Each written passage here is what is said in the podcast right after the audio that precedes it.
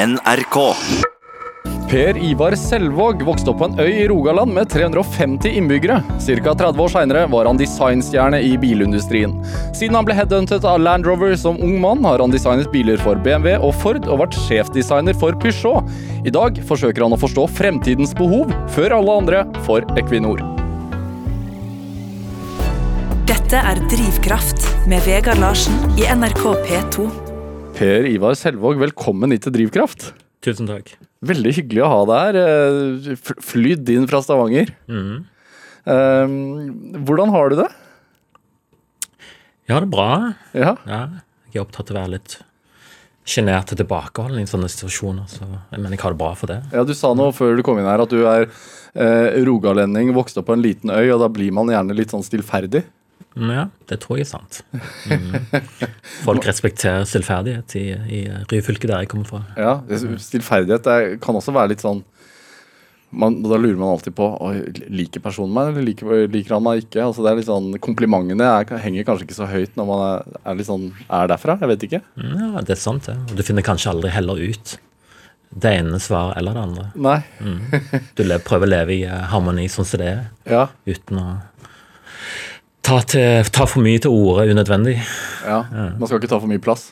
Nei, altså Når folk De fleste er i slekt med hverandre på en liten øy, så er det ikke vits i å brenne broer for ofte. Helt unødvendig. Nei, fordi altså det, ehm, du, du har blitt omtalt som en designstjerne i bilindustrien. eh, men, men altså eh, angående liksom Fogn i, i Rogaland, der du er fra. Ja, Hva, ja, hva slags sted er Fogn? Det er et veldig tett, eh, lite typisk vestlandsk øysamfunn. Så liv, har tradisjonelt livnært seg på jordbruk og eh, litt fiske fra gammelt av. Mye tomat? Ja, det er faktisk eh, Norges eh, tomatmekka, kan du si. Oh. Nei, ikke Fogn, men Finnøy kommune. Fogn er en del av Finnøy. Det som var Finnøy kommune, det som nå er Stavanger kommune. Ja, så Hvorfor, er tomater, hvorfor har tomater så gode levekår der? Fordi på Hva er det far sa? 40-50-tallet så var det en luring som eh, bestemte seg for å bygge et drivhus.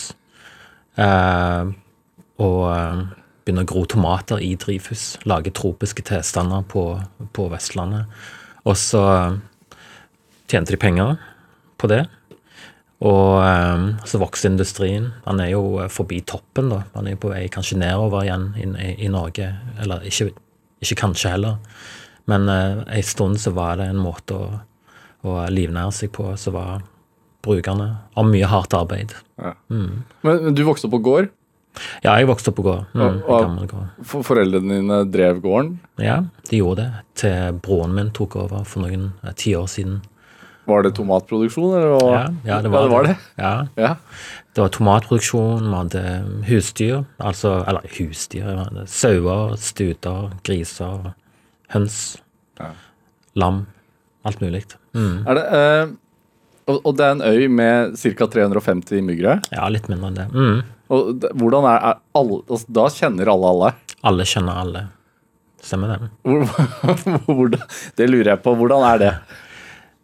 Ehm, tja, du vet ehm, Nå har jo jeg en litt sånn unikt god mulighet til å gi en sånn avstandsoppsummering. Jeg vil si at uh, som alle plasser, som Oslo, så har òg små samfunn både gode og dårlige ting. Jeg vil si en veldig, veldig god ting med en liten plass å fange, er at det med å kjenne så mange, såpass mange folk eh, såpass godt, er en enorm styrke. Eh, og livet er stort sett ganske utfordrende for alle folk, for aller flest, for folk aller, Altså, for folk flest, ja. Ja. Og jeg tror at når du bor på en sånn liten plass, så har du enormt mye styrke i et, å bo i et sånt samfunn. På hvordan måte? Nei, folk støtter opp om hverandre med den samme eh, stillfarende væremåten som vi snakket om litt innledningsvis. Eh, Det er ikke noe sånn 'nå skal du høre her, her skal jeg hjelpe deg'. Det er liksom bare eh, Det er litt sånn Det, det sitter i vevet i et sånt samfunn. Ja. Eh, eh, og det tror jeg er veldig unikt. du finner ikke i, i det nabolaget midt i Stavanger, så tror jeg ikke alle kjenner hverandre, selv om det er liksom kjempemange folk som bor på veldig få relativt få eh, kvadratmeter, liksom. Nei, nei. Jeg bor jo, jeg bor jo i en blokk i Oslo her med åtte, åtte etasjer eh, og, og leiligheter under meg hele veien. Og veit jo ikke hva halvparten heter, dessverre. Nei. Du velger sjøl Ja. hvem du vil være med i en by. Men, men hva, Det er det positive, men hva var det er det negative med å vokse opp på en liten plass? da? Um, jeg tror at hvis du Hvis du um, ikke kommer så veldig godt overens med folk så det er ikke, Alle kommer jo ikke alltid nødvendigvis alltid like godt overens med absolutt alle til enhver tid. Og da tror jeg at det kan være utfordrende òg å bo på et sånn liten plass. Eh, prøve å ut, uttrykke meg i eh, generelt diplomatisk ordlag her. Jeg, jeg tror, men du skjønner hva jeg mener? Det er ikke, det er ikke Hele Fong sitter og hører på nå. vet du. ja, ja, nei, det vet jeg ikke. Det tror jeg ikke. Men jeg, jeg, jeg mener bare at uh, i, i dårlige tider så er det Du, kan ikke bare gå Du kan ikke bare stikke av på trikken, liksom. Nei. Det er vanskeligere å gjemme seg bort. Ja. Og så ligger de i eh, så ligger de liste òg, da. De utfordringene, og kan håndteres, håndteres deretter òg. Mm. Hvem, hvem var eh, Per Ivar Selvåg som ung? Altså Hva interesserte deg? Um, hva interesserte meg? Um, fall ikke hardt arbeid på gården. Men det var sånn som alle måtte ta del i i familien vår. Det er en familiebedrift, en, en gård.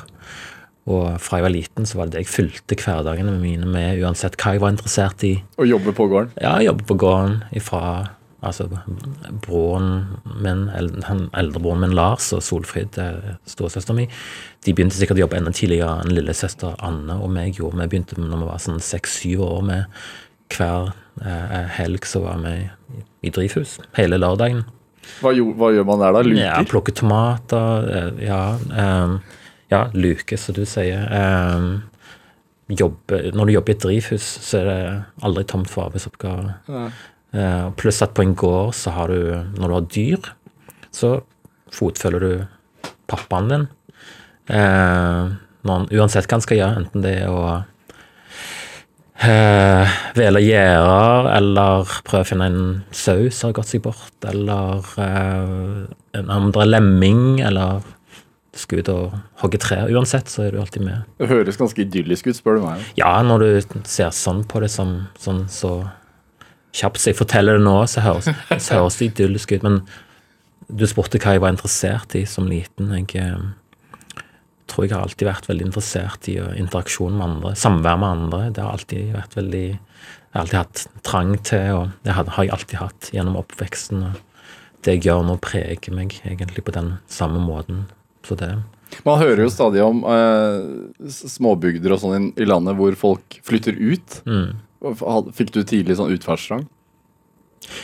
Um, ikke noe sånn spesielt unormalt sterk utferdstrang.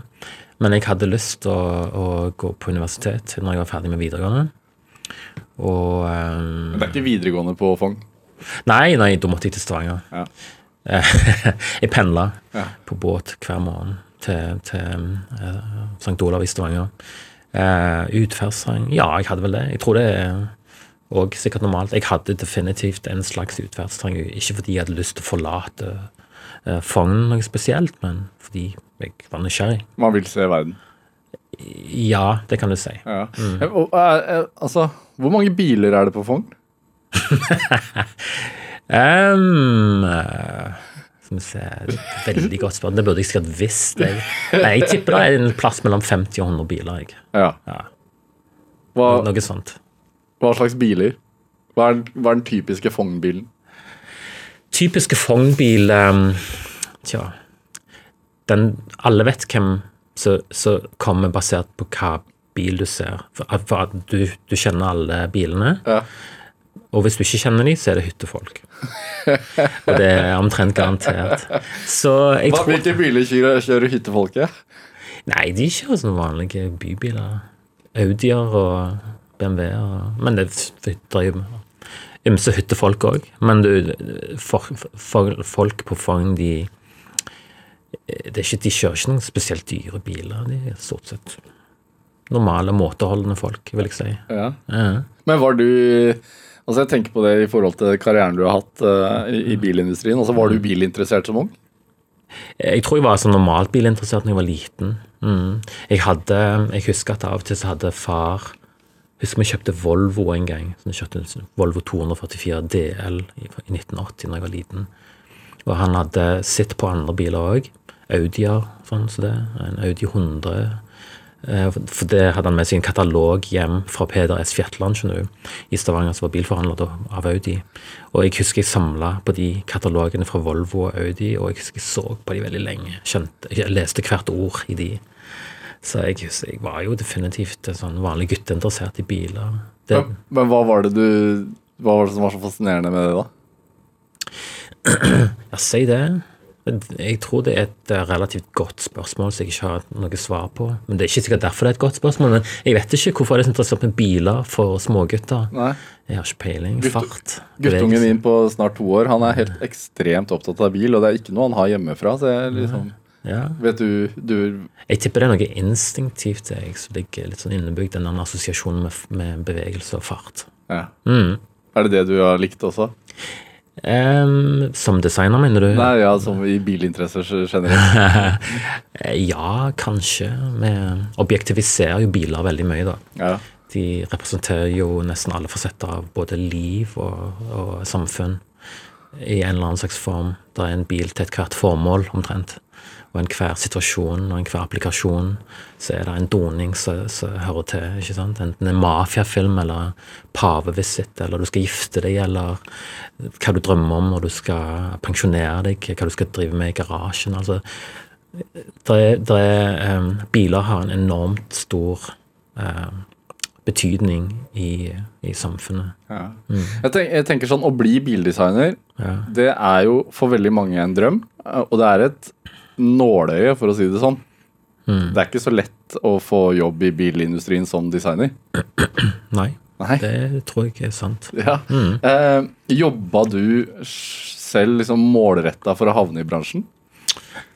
Jeg studerte industridesign. Jeg, eh, nå, nå ble jeg bildesigner, så det høres kanskje litt sånn feil ut å si at jeg trodde ikke jeg var god nok, men jeg tenkte det var Jeg hadde vel egentlig slått det fra meg under studiene, fordi de som hadde lyst til å bli det, de fokuserte veldig på det i industridesign. Og eh, de hadde veldig sånne flotte porteføljer med utrolig fine eh, sånn fantasier, tegninger, modeller de hadde lagd av biler, så de skulle bli bildesignere, disse folka. Og jeg, jeg kunne jo ikke det der, jeg. Jeg eh, hadde ikke peiling på bildesign sånn per se, i alle fall. Og jeg hadde som mål å bli industridesigner. Komme hjem til Norge og begynne å designe på norske industriobjekter. Som for eksempel? Ja, kanskje. Det finnes, jo. Det finnes mye løye her i Norge. Vi har jo eh, Det finnes jo eh, firmaer som lager eh, maskiner og traktorer og båter og forbruksvarer. Så det er ikke, vi importerer ikke alt fra Kina, og har aldri gjort det heller. Så det finnes masse å ta av. Men du, du var flink til å tegne, da. Ja da, det har jeg alltid vært. Jeg har alltid vært flink til å tegne. Mm. Så det var jo derfor jeg kom inn på design òg, fordi jeg var jeg var for lat til å bli psykolog, som jeg egentlig hadde lyst til. Jeg tenkte at eh, sånn eh, syv år på universitetet var grusomt lenge, med en enormt høy sånn, eh, sånn pile på bordet med, med psykologibøker. Ja. Så jeg, jeg var bare for ung og toskete til å gi meg det Eller gi, meg det hen, liksom. Så jeg, jeg eh, enda jo opp med å studere design faktisk i syv år. I stedet. Ja, i stedet. Eh, Angrer du? eh, nei, det kan jeg ikke si. Ja. Av og til så angrer jeg litt på at jeg eh, ikke har fått studere psykologi eller sosiologi. Ja. Eh, litt sånn Ja, i noen år. Det kunne jeg godt tenke meg, men det er jo det er ikke for seint. Men det Nei, det er ikke for seint. Det er ikke for seint uh, før man ligger under torvet. Altså. Ja, ja, ikke sant. Men, men, men uh, er, stemmer det at gullbilletten din ble en tegning av en traktor? Ja, tegning Det var vel mer en eh, Jeg, jeg eh, gjorde et eh, siste års opp, eh, prosjekt der jeg um, samarbeida med, med Landbrukshøgskolen, som det heter da, på Ås, det er universitetet nå, eh, om å lage en traktor for norske forhold. Så eh, vestlandske forhold mer spesifikt. Enda mer spesifikt enn øy som Fogn, med, med mye eh, eh, Med mange berg og sånn Skeivt sånn jordbruksareale. Altså det vil si ikke sånn vannrett. Du, jorder på Fogn de går jo liksom opp etter dalsiden, sånn som de gjør i mange store deler av Vestlandet. Lod, loddrette jorder. Ja, iallfall noen av de, så det er ikke, sånn, det er ikke så lett å være bonde på Vestlandet. Nei, hva var det spesielt med den traktoren? da? Eh, han hadde et hydraulisk hjulsystem som gjorde at, den, at, at kabinen alltid var i vater. Eh, så du kunne kjøre lang, på lang, sides langs eh, en ganske bratt ås, og allikevel en kabin som var i vater, med, med hjul som justerte eh, hele traktoren etter terrenget. Og det, og det må jo ha vært eh, ganske genialt, fordi det gjorde jo at bilindustrien fikk øynene opp for det, så vidt jeg skjønner. Ja, ja, det kan du OK, eh, Var det ikke det? det enkle svaret er vel ja. Ja, ja. fordi Land Rover, eh, stor eh, britisk Mm. bilprodusent, kom bankende på døra. Ja, de gjorde det. Mm. Hva sa de? Um, de sa at vi liker veldig godt den traktoren din. og, så, og så lurte de på om de kunne få lov til å De lurte på om jeg hadde søkt på inn på noe som heter Royal College of Art i London. Jeg hadde det, men det var veldig dyrt, så jeg hadde egentlig slått fra meg å dra. Men eh, de tilbød seg også å betale for studiene mine. Og så det er jo ikke særlig lurt, selv om du er aldri så dum og ung, å si nei til gratis utdannelse. Ja. Så jeg gjorde det. Jeg sa ja, og så fikk jeg jobb etterpå. ja. Så det de betalte studiene mot at du begynte å jobbe for dem. Ja. Ja. Mm. Må ha vært ganske flink, da. Eh, Etter deres begrep flink nok til å få skolen betalt, iallfall. Ja. Klassisk sånn rogalending. som det der. Ikke Dette er Drivkraft med Vegard Larsen i NRK P2. Og i dag så har vi tidligere bildesigner Per Ivar Selvåg her hos meg. Altså, eh, Du begynte i Land Rover, som vi var innom, eh, som ung mann. Men hvilke bilselskap har du jobbet for? Jeg jobber for GM, mer spesifikt for Cadillac. Altså, Du har designet Cadillac, altså GM sitt flaggskip. Ja. Eh, Det gjorde jeg et år. Og så etter, etter Land Rover så jobba jeg eh, veldig kort i Volkswagen noen måneder. Og så jobba jeg i eh, Ford i nesten seks år. Og i USA, i California og i Detroit. Tre år hver. Og så jobba jeg hos BMW i omtrent fem år, før jeg jobba litt ganske kort, eh, halvannet år i Peugeot. Ja. Og så dro jeg til USA. Mm. Så amerikansk, tysk og fransk bil, ja. Eh, og engelsk. Og engelsk i, i Land Rover. Ja. Og så har jeg lest noen steder at du har drevet og designet noen sånne sportsbiler òg. Eh, Ja, det stemmer det. Mm. Men, det men det, det er litt sånn hemmelighets... eh, Man får liksom ikke lov til å prate om det. Om de eh, om røde sportsbiler fra Italia. Røde Ja, italienske nei, det, sportsbiler. det er ikke lov å snakke om. Nei. Nei, men jeg har vært borti det, ja. Det stemmer, det. Ja. Mm. Så disse fartsmonstrene. Det er, Du har hatt en finger med i spillet der også. Jeg har faktisk Ja, i, i to av de har jeg det. Ja. For ca. syv-åtte år siden. Hvorfor er det hemmelighets... uh, hvorfor er det hemmelighetsstemplet? Sånne ting. Um, de hemmel... De har noe med kontroll å gjøre. Ja. De hemmelighetsstempler hva som blir sagt om de, og på vegne av de, og Ja. det er du nødt til å bare ha respekt for. Mm. Når, du, når du ser eh, Når du tenker på alle bilene du Altså For det første så tenker jeg at du har flyttet på deg veldig mye mellom selskap og selskap. Mm. Hvorfor, hvorfor det? Um, fordi hvis du får em, tilbud om en jobb som ser utrolig spennende ut, Mhm. Og hvis du vurderer det dit hen at der du er akkurat her nå, eh, ikke er like spennende som det du blir tilbudt, så tror jeg på det med å prøve noe nytt. Ja. Men jeg er, som sådan så er jeg vel kanskje en representant for litt mer sånn moderne arbeids... eh, eh, hva kaller du det? em, litt sånn ny arbeidskonvensjon. Altså folk eh, nå til dags jobber ikke bare i ett firma hele livet lenger. Eh, så jeg tror generelt på det, tror jeg. At det viktigste er at du føler at du lærer Eh, Vokser man som menneske av det, tror du? det, det tror jeg faktisk. Ja. Og det er ikke noe Du kan ikke du kan ikke ta noen sånn kred for det heller. Du, du gjør det. Du, du vokser med alle opplevelser. Så eh, jeg er veldig glad for det. Jeg tror at av og til jeg bomma, f.eks. Av og til av og til tror jeg jeg gikk fra en jobb for tidlig, og at det kunne lønne seg å ha blitt. Um, men det er sånn som du bare må, må ta med deg. Ja. Prøve å lære. Ja. Jeg, jeg tenker sånn um, du, du hadde annet, så vidt jeg forstår det, hovedansvaret for BMW sin 4-serie. Ja, det var jeg som var mm, Ja, stemmer det. Jeg var såkalt uh, principal designer for 4C1. Mm. Så, og det er en bilserie som mange nordmenn har et forhold til. Ja, det er for noen nordmenn som har kjøpt en sånn. Ja, altså, tre utgaver av den. ja men, men man, altså, I Norge så har man et større forhold til BMW enn Cadillac, f.eks., tenker jeg. Det stemmer. Men, men men, altså når Jeg syns det er så morsomt at du har designet Cadillac og BMWs 4-serie og sånn, men du du prater så du, det, er, det er voldsomme ting. Det er store ting. Det er kjent, veldig kjente ting. Jeg eh, blir nærmest starstruck, eh, selv om ikke jeg er kjempebilinteressert av det.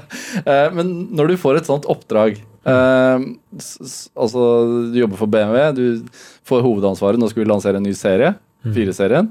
Eh, du var jo involvert i treserien nå. Stemmer det. Men, men altså, hvor begynner du når du får et sånt oppdrag? Um, bildesignerne de jobber litt sånn eh, um, rart. Så hvis du og meg er kollegaer hos BMW, uh, Vegard, så er vi kanskje i vårt team ca. 20-25 fordelt på tre studier rundt omkring i verden. Og så kommer sjefen inn en dag og sier at nå skal vi lansere en ny uh, bil om tre år. Den skal hete sånn og sånn. Her er underlaget. Og så har vi ca. en måned på å produsere ideer. Så går du til ditt eh, arbeidsbord, og jeg til mitt, og så sitter vi på computeren vår, og så kreerer vi ca. en måned før sjefen kommer tilbake. I mellomtida har vi sånne bitte små eh, presentasjoner til minisjefen. Og så eh, går vi gjennom en sånn en eh, ja, seleksjonsprosess. Eh, måned etter måned. Og til slutt Det er veldig sånn darwinistisk. Til slutt så står det bare én igjen. Så det kan gå fra 20-30, kanskje 40 designere som deltar i en konkurranse Internt. internt, Ja. til den ene står igjen. Og da er det som regel eh, styret. I BMW sitt tilfelle så drar de ut på en sånn enorm flyplass der de har hangarer så de leier. Så ruller de ut alle disse svære eh, doningene, altså eh, i fullstørrelsesskala. Ja. Så kanskje det er du og meg som står igjen, da, eh, eh, Vegard. Og så skal, ser bilene helt sånn, sånn eh, realistiske ut. De koster mange millioner, disse to prototypene Prototypene. Ja. står de, og så bruker styret kanskje en time eller to på å diskutere seg imellom hvorfor den din skal, velge, eh, din skal velges over min, eller, eller eh, motsatt. Og til slutt så er det en av oss som får den gode nyheten om at designet ditt vant. Ja. Og så må det gjennom en produksjonsprosess og være etter to år. Mm, så sånn, det, var sånn det, det er sånn det skjer hver gang du ser en ny bil. Så går det gjennom en, en ganske lignende prosess. Hvordan oppleves det? Det det er veldig sånn, du blir nervøs. Så finnes det alltid folk i et sånt studio, et bildesignstudio, som aldri har vunnet noen ting som helst. Uff. Og så finnes det folk som kun designer på hjul, eller på lykter, eller dørhåndtak, bokstavelig talt. Og alle de, en lykt i en bil er et fantastisk komplekst stykke industridesign. Men i et sånt bilstudio så blir det sånn litt delt inn Setter litt på spissen, da. Blir litt delt inn, og uh, jo yngre du er, jo enklere er det å kategorisere inn i høy høyverdi eller lavverdi type arbeid. Og det som er sånn veldig sånn attraktivt og, og hot, det er å designe hele eksteriør eller hele interiør. Ja. Og det der de detaljene som er essensielle, de eh, skjønner du kun verdien av når du blir litt eldre, tror jeg. Ja. Så alle slåss om å få gjøre det store, det som er litt mer sånn uh, glam. Mm. Hva, altså, um, men, men altså, da du gikk i gang med, med fireserien, Mm. som jo du da, Du vant jo da den, den runden der. Stemmer det. Sto i en sånn hangar. Ja. Ble kåret til vinner. Mm. Eh, hva, hva tenkte du på ut ifra det designet? Altså, gjorde du research, eller hadde du én spesiell person i, i, i tankene. tankene når du lagde dette, eller? Nei. Nei? Nei. Men det er et godt spørsmål, syns jeg. Det er et interessant spørsmål, fordi det, der ligger litt av problemet med å jobbe i bildesign et helt liv. At du trenger ikke å tenke på sånne ting. Du trenger ikke tenke på, på konsumenter som eksisterer utenfor eh, et designstudios trygge fire vegger. Du trenger, du trenger bry deg om, er egentlig hva sjefen vil, hva styret vil, hva, hva merket representerer, hva historie som ligger bak, og i BMW sitt tilfelle, eller i de sånne røde sportsbilene i Italia, så er det en enorm historie, og det handler liksom Det handler om merket, og mindre om konsumenten, for det er et såkalt Det er sånn Folk aspirerer etter eh, biler av en viss prisklasse Ja. eller status, ikke sant? Så da er det mer det, betyr, det betyr ikke så veldig mye hva som skjer ute i den store verden, egentlig. Igjen litt satt litt på spissen. Nei. Det betyr mye mer om du klarer å kommunisere i tråd med, med, med merkevarens eh, retningslinjer. Hva, hva var din spesialitet da, som designer i forhold til liksom, BMW? Altså når du, la, la, te, altså når du tegnet den. Mm. Hva tenker du var din styrke i det designet? Eh, Litt sånn design, Tenker du rent sånn designteknisk? Ja, ja, altså, sånn. Hvorfor skilte din design seg ut, tenker du? Um, jeg kanskje kan begynne litt med det store. Det at du må forstå altså når jeg, jeg har jobba for disse merkene som du sa. da. Ja. Det er en sånn fem-seks for ulike bilmerker. Så alle har sterkt subjektive designsjefer. Så alle har eh, sterkt ulike historier. Og så alle har ganske ulike, for det meste, sånn markedssegmenter. Så det som er viktig å forstå, er jo alltid kontekst. Og igjen, det som jeg beskrev til deg nylig, var en verden som er nokså snever og sånn så, så navlebeskuende, egentlig. Ja, for man, man, BMW, eller bilprodusenten, tenker ikke på konsumenten. De tenker at konsumenten ønsker å kjøpe en identitet. I realiteten, ja. Ja. Igjen satt litt på spissen. Men bare for å svare ordentlig på spørsmålet ditt, så det, handler det eh, Hvis du spør hva jeg, har jeg vært flink på i det tilfellet med Firestein, Ja. det er å forstå eh, konteksten. Og eh, konteksten er at sjefen er veldig orientert mot markedsføring, men òg mot sin egen smak. Og eh, BMW står for eh, en slags muskularitet på, på veien. Det står for eh, eh, en viss type eh, Ja, jeg vil si ja. Aggresjon, kanskje. Det kommer, det, altså folk som kjøper BMW, er ikke nødvendigvis aggressive, men det er liksom de, de, de, de kjører fort, har stor motor, doble eksosrør, du skjønner. Det er liksom ikke sånn eh, Så det er så liksom drar du mer av den type den type kvaliteter ut av uh, geometri. Ja. Så det er liksom i evnen til å besvare de spørsmålene der, så ligger òg evnen til å vinne eller tape en sånn konkurranse. Så min bil til slutt eh, vant fordi han så faktisk så breiest ut. Så breiest ut. Ja, han var ikke bredere, men det var sånne visuelle triks som du som designer vet hvordan du kan spille på. Så gjorde at bilen min så lavere og bredere og mer muskuløs ut. Tøff, tøffere, på Tøff. godt norsk. Ja. Ja, tøffere ut enn en konkurrenten sin. Mm. Hvor viktig er det at man liksom på, på bildene i, når man filmer bilen kjører på veien, at den, altså at den ser grom ut? Hvor viktig? For, for designer er det veldig viktig. ja. For vanlige folk så jeg tror ikke det spiller så veldig stor rolle. Men når det er sagt, så tror jeg alle har en litt sånn ubevisst eh, holdning og forhold til det, det vi omgir oss med. Trenger ikke være verken en estet eller en designekspert for å ha en mening om de bilene som ruller rundt oss på gata, liksom. Og jeg tror folk merker det litt sånn, litt sånn indirekte, hva merker står for, hva Tesla står for, hva Audi eller BMW eller Toyota står for. Så i så måte så er det ganske viktig hvordan de framstår. Men, men jeg synes jo sånn, altså når man, man går ut i gatene og ser bilene som ruller rundt, så Jeg vet ikke, du må gjerne uh, arrestere meg hvis jeg tar feil, men jeg syns jo bilene blir mer og mer like. Mm. Er, det, Ja. er du enig i det? ja, det er jeg enig i. Hvorfor er det sånn? Um, jeg tror at uh, det er veldig sterke trender i bildesign. Så for ca. 10-15 år siden så var Renault og, og Volkswagen veldig dominerende, og alle skulle prøve å lage biler som så ut som de. Nå for tida så er vi, lever vi lever vi i etterdønningen etter BMWs en sånn dominans på eh, sånn motefronten. Alle skulle ha eh, sånn samme geometri som geometri som BMW en stund. Eh, så det er sånn Det er en ganske liten bransje, og folk beveger seg fra studio til studio, sånn som jeg gjorde. I mye større grad i dag enn det de gjorde før. Og jeg tror folk Veldig ofte er det òg sånn at faktisk at de som har sterk eh, innflytelseskraft for et bilmerke, de lar seg òg rive med av mote. Ja. Det der med at for, for eksempel at alle biler skal ha skjermer, jeg føler det er sånn rent sånn Fra et eh, brukerperspektiv så er det en uting. Ok, hvorfor Men- det? Det er livsfarlig. Med en svær glatt skjerm midt i bilen, så du må se på, ta øynene av veien for å kunne styre vindusvisker eller radio eller temperatur. Det er jo helt det er jo livsfarlig. Du finner ikke sånt i et jagerfly, f.eks. Det er jo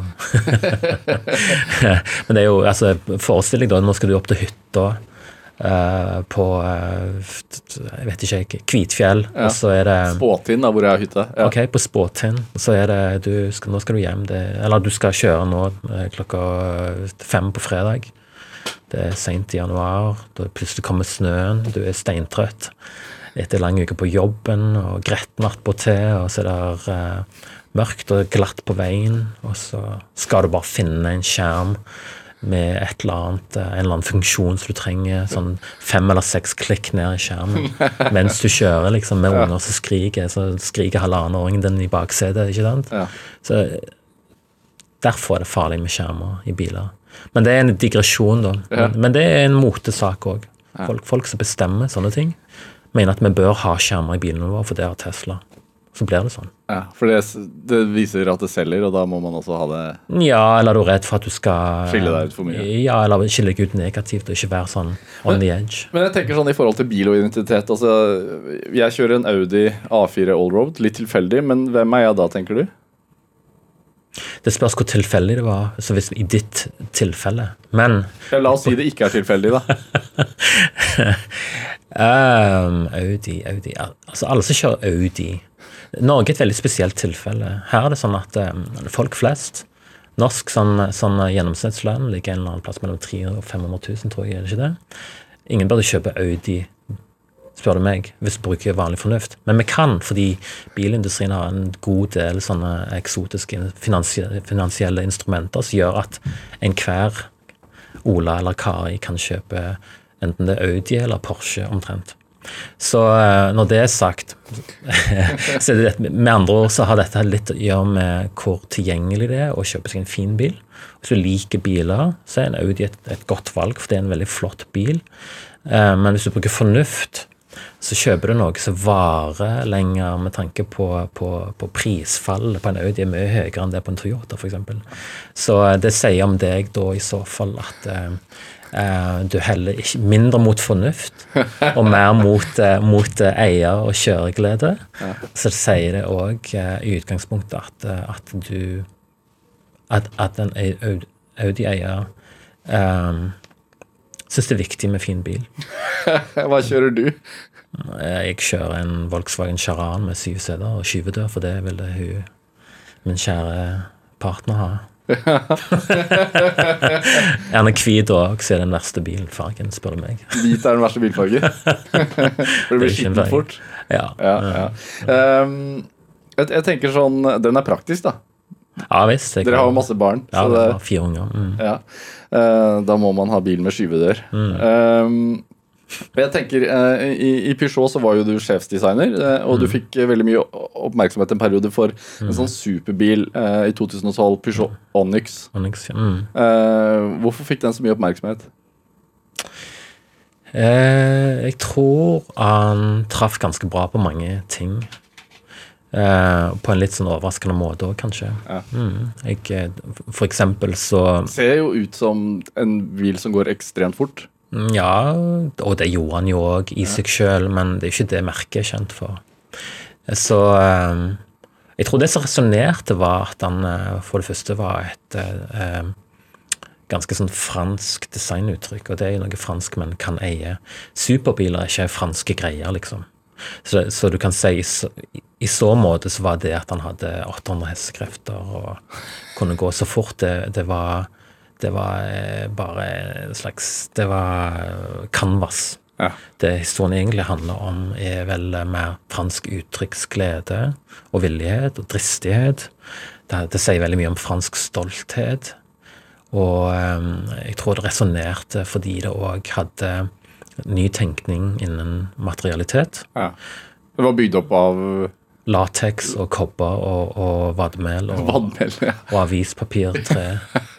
Høres ikke ut som noe du vil krasje med. Nei, men det er heller ikke en Audi, liksom. Nei. Sant? Men du sier at eh, det, eh, det er ikke en typisk fransk bil. Eller fransk, hva er en typisk fransk bil, da? tenker du? Eller hva er liksom fransk identitet og bil? Jeg vil kanskje si at det var en typisk fransk bil, bortsett fra at det, det den supergreiene og alle hestekreftene, det er ikke veldig fransk. Nei. Bortsett fra det, så vil jeg si at det er et veldig fransk uttrykk. Og at, at det var det som gjorde at Hva var franskmennene? Um, franskmenn er, er, har ut, veldig god uh, smak. Uh, de liksom setter trender for uh, mote. De er veldig flinke teknologer. De, de gjør ting som tyskere alle kunne drømt om å gjøre.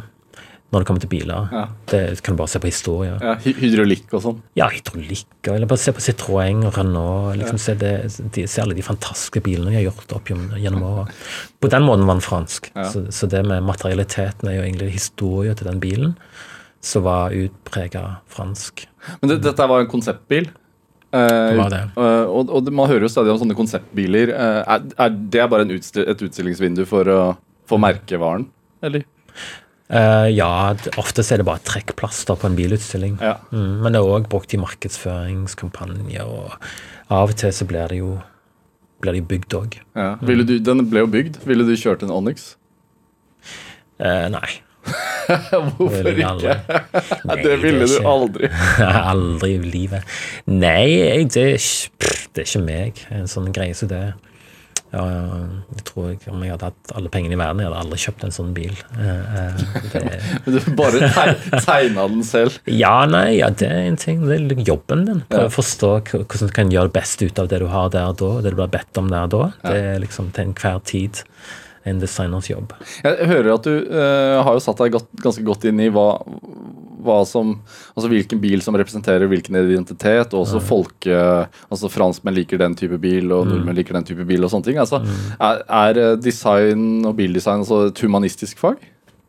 Bildesign vil jeg påstå har potensial til å være et sterkt humanistisk fag. Om det er per i dag, er det ikke spesielt humanistisk, men design generelt er et dypt humanistisk fag. Hvorfor det?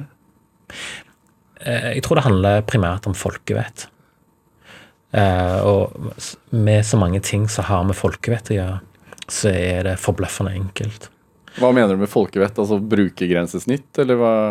Ja, eller prøve å identifisere det som faktisk trengs av folk i en gitt situasjon.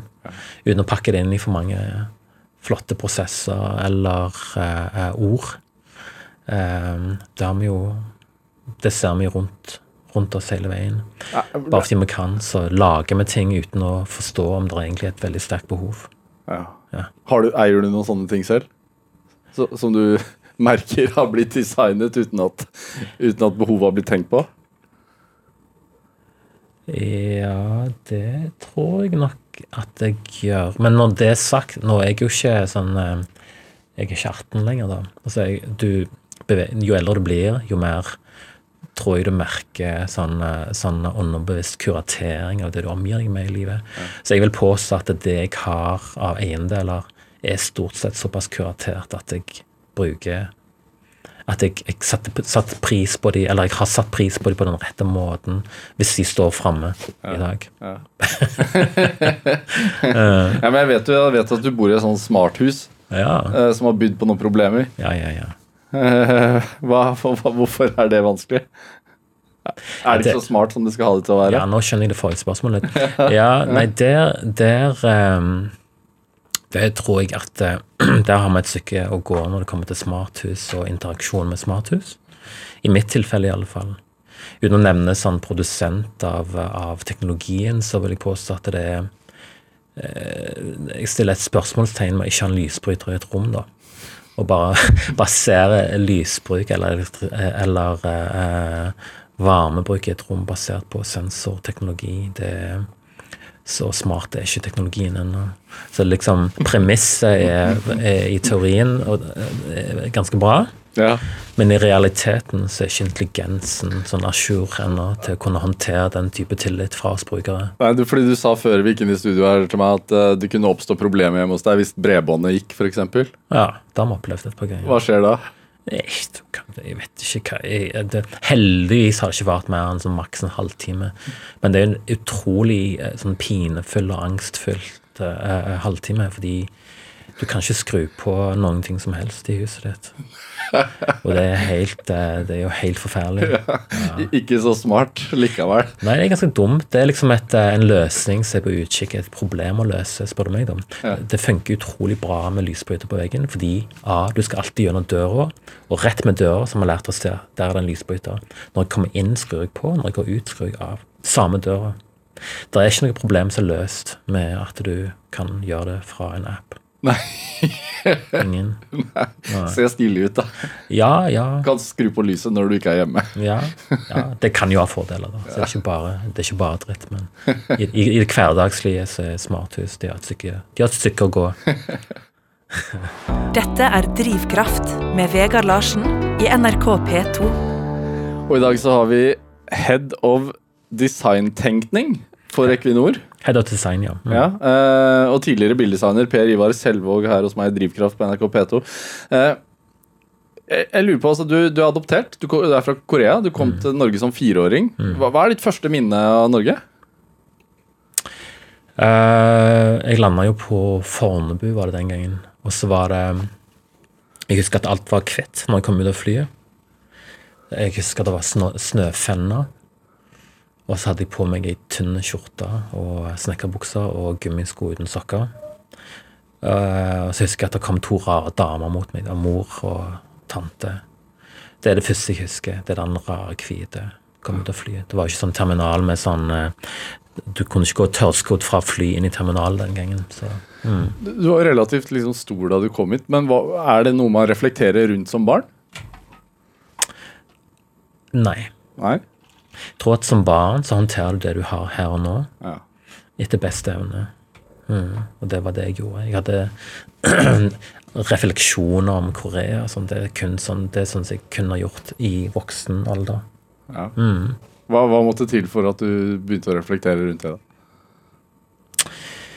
Um, jeg tror at ting lekker veldig sakte, men sikkert ifra undervisen opp i bevisstheten på enkelte ting. Det er ikke veldig vanskelig å skjønne hver gang en ser seg selv i speilet at du ligner ikke særlig på, på um, eh, søster eller bror. så er, så er i ordentlig slekt, uh, for i, satt i hermetegn, uh, fra Norge. Så det, det er noe du har med deg hele veien når du er adoptert fra et annet land.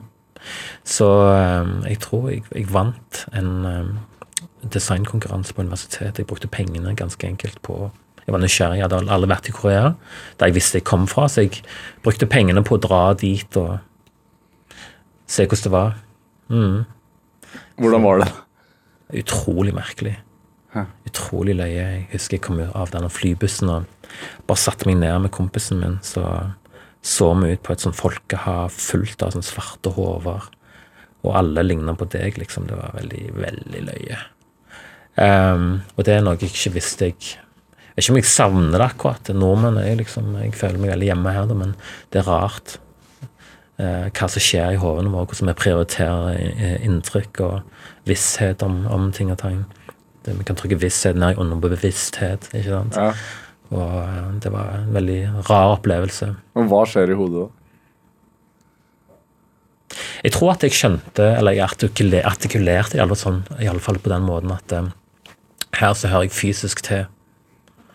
Og så tror jeg at uh, jeg var 24, og så etterpå dro jeg hjem og var veldig happy med det.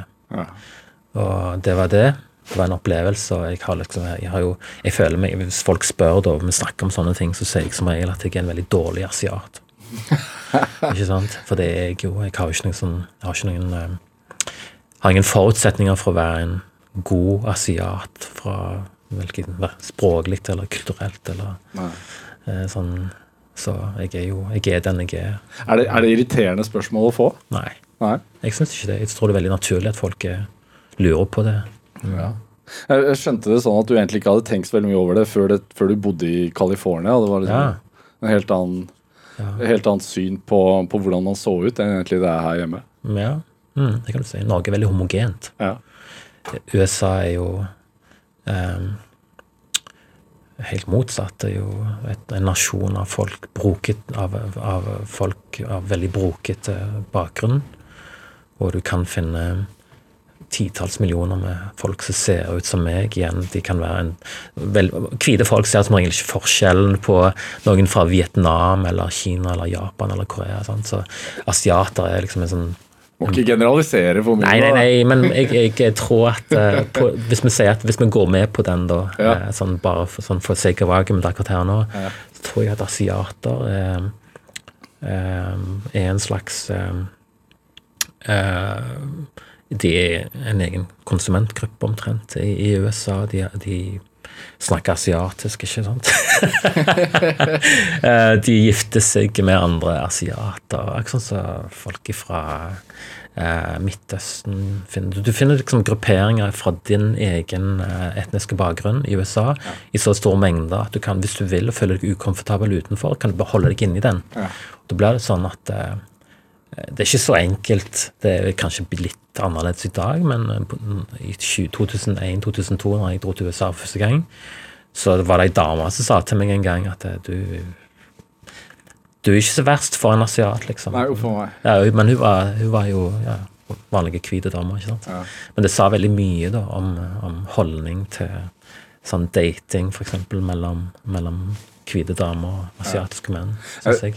Jeg synes det er interessant i forhold til det at du, du eh, forsker veldig på, på, på egentlig mennesker i jobben din. eh, og at du liksom ser på Mm. Hvordan vi, altså hvordan vi forholder oss til hverandre, og hvordan vi ser oss selv og ser hverandre og sånne ting. Det, det er helt sant. I Equinor så gjør jeg det. Ja. Det er utrolig spennende. Men, men altså bilindustrien, hvorfor sluttet du? Jeg var interessert i um, verden utenfor uh, bilverden. Veldig, veldig interessert. Var egentlig møkka lei av den idiotiske idiotisk politikk og uh, jobben er utrolig gøy, den. altså. Bildesign er veldig gøy. Ja. Hvis det er nok for deg å bare ha det gøy hver dag til du blir gammel og grå, så er det en perfekt jobb. Hvis du får en sånn jobb. Men hvis du er interessert i det som jeg sa, jeg er interessert i andre folk. Prøve å forstå hva som gjør at Hvordan vi kan påvirke hverandre i positiv retning, for å si det litt sånn med litt floskler. Så det er ikke det en god industri å, å være i, eller var iallfall ikke. Så jeg bestemte meg for å slutte og finne på noe annet. Jeg vet at du eh, eh, fikk blodforgiftning. Eh, Ja, jeg gjorde det. Eller sepsis. Ja. Var det utløsende faktor for å gjøre et liksom, livsstilsvalg? Eh, nei, det var vel resultatet av å være eh, eh, leder for egen bedrift. Kanskje. Jeg vet ikke. Mye stress, mye reising. Liksom, I California? Ja. Ja. Mont montasje? Uh, I, I Montag. Ja, ja, ja. Montag. Ja, jeg, eh, det var utrolig mye reising, utrolig mye jobbing og veldig, veldig uh, uh, lite sånn stabilitet. Og det er hardt å drive eget firma, må jeg si. Så eh, jeg, eh, på det meste så var vi sånn 30-40 stykker. Og eh, du det, det, åpner, det åpner øynene for andre dimensjoner med, med, med bedriftsliv. Ja. Og eh, jeg hadde hatt en spesielt tøff periode når jeg fikk sepsis, og jeg enda på sykehus i to uker. Mm. Er det, så, hvor, hvor livstruende var det? nei, det var vel ganske livstruende. Men eh, det er vanskelig å si at det var ca. 40% eller 90 Det vet jeg ikke. Jeg vet bare jeg var i koma i noen dager. Det, var, ja. det kan jo gå begge veier. Jeg tror ikke doktoren har så mye kontroll, så de håper på med sepsis. Men, men var det en utløsende faktor til at du pakket med deg familien og reiste til Stavanger igjen? Eh, nei. Men eh, jeg skal ikke si at det ikke hadde sånn eh, påvirkning på hvordan du betrakter deg sjøl relativt til alle andre, eller Du skjønner jo med en gang at du kan jo dø eh, på øyeblikksvarsel, liksom. Ja. og det er jo veldig Ja, det er en rar tanke. Ja. Altså, det, eh, du har jobb i Equinor nå som, som head of design, og, og så vidt jeg forstår, så, så forsker du litt på liksom fremtidens løsninger. Hva vi, hva vi ønsker oss i fremtiden. Eh, eh, Ja, det kan du si. Um, Equinor gjør noe så AS Norge generelt er i ferd med å gjøre, det å digitalisere seg. Så vi har jo uh, noe som vidunderlig liksom digitaliseringsminister i Norge, ikke sant? Og nordmenn har skjønt at det der med digitalisering er veldig viktig. Um, og det er helt sant. Um, så min jobb er å prøve å finne ut hvordan vi kan bruke den informasjonen vi har i Equinor. Vi har jo 50 år med informasjon av uh, alle rare typer varieteter. Altså det, det er Hva, hva slags informasjon? ja, det, det handler om Vi har mye informasjon f.eks. Uh, i grunnen om, om konsumering av energi. Um, vi har veldig, veldig mye in, in, eh, informasjon om ekstrahering av energi. Mange typer forskjellig energi. Vi har enorm stor kunnskap om geologi ikke sant? og vær. Vi har mange typer forskjellig informasjon. Og digitalisering handler om å gjøre all den informasjonen om til data. Eh, og så er spørsmålet hvordan kan et firma som Equinor gjøre det på en måte som hjelper oss inn i framtida. Før så var digitalisering ikke så viktig, så det er i ferd med å bli òg i energibransjen. Når du bare, igjen i hermetegn, så bare kan pumpe opp olje og gass til en gitt eh, oljepris hver dag i flere tiår, så har du egentlig ikke så mange andre bekymringer. Men, men hva sånn spesifikt er det du gjør? Altså håndfast, altså? Mhm. For det er litt sånn abstrakt. Så hvis du skal for eksempel, Akkurat nå så jobber jeg med i data science-teamet vårt. I data science bruker ikke til å lage bare vanlige programvarer, f.eks. Du utvikler ikke websider med data science. Du bruker data science til hva, er spørsmålet. Ja. Og det er et essensielt spørsmål. For eh, svaret har noe med folk å gjøre. Du kan si at det er min jobb er å prøve å forstå hvordan vi kan bruke data til å lage bedre eh, algoritmer. Det, algoritmer er ikke særlig håndfaste. Nei, det er Eh, veldig eh. lite håndfast. Så, men, men Men hvordan påvirker det meg? på sikt så vil det påvirke deg fordi Equinor er, er et firma Et stort firma. som kan fortsette å ha en sånn eh, eh, Ja, hva kaller vi det? Hjørnesteinsbedrift for AS Norge, kan vi si det er Equinor, vil jeg påstå. Det har en enorm betydning for AS Norge.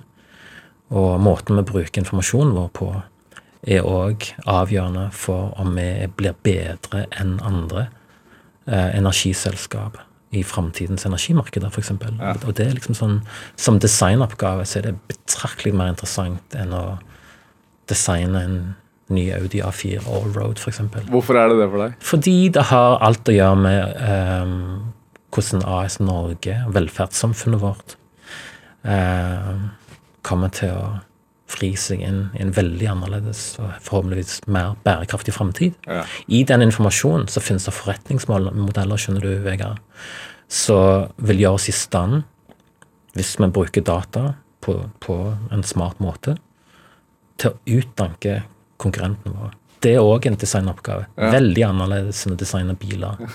Men samtidig så kommer det fra den samme plassen. Ja. Det med å forstå kontekst.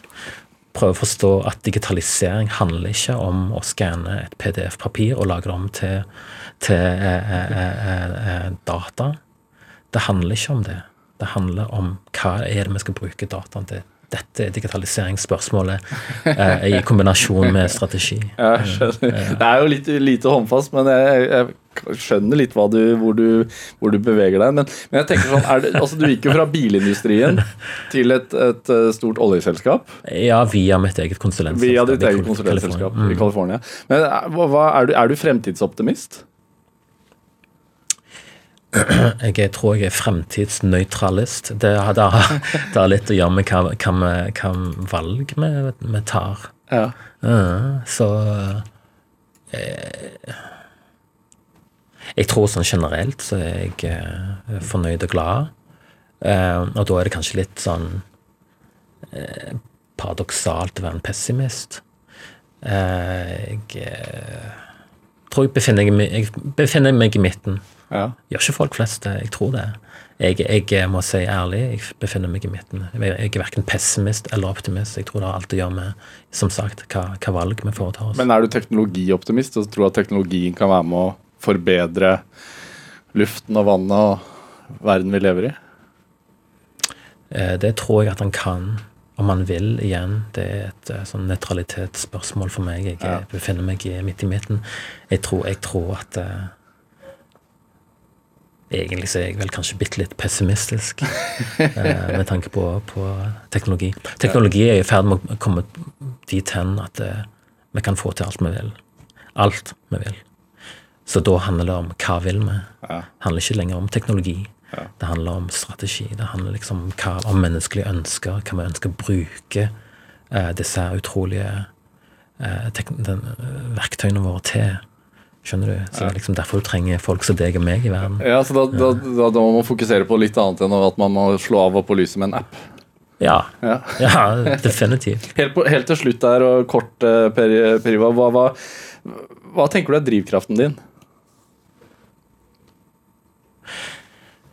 Drivkraften min eh, Jeg tror drivkraften min er veldig enkel. Vær en god, lyt- være god lytter. gjør vel for andre. Det tror jeg er en eh, genuin drivkraft. Tusen takk for at du kom hit til oss. Takk for invitasjonen. Takk for at jeg fikk komme. Hør flere samtaler i Drivkraft i NRK Radio på nett og app, eller last oss ned i din podkast-app. Produsent i dag var Kjartan Aarsand, jeg heter Vegard Larsen, og dette her var Drivkraft. Du har hørt en podkast fra NRK P2.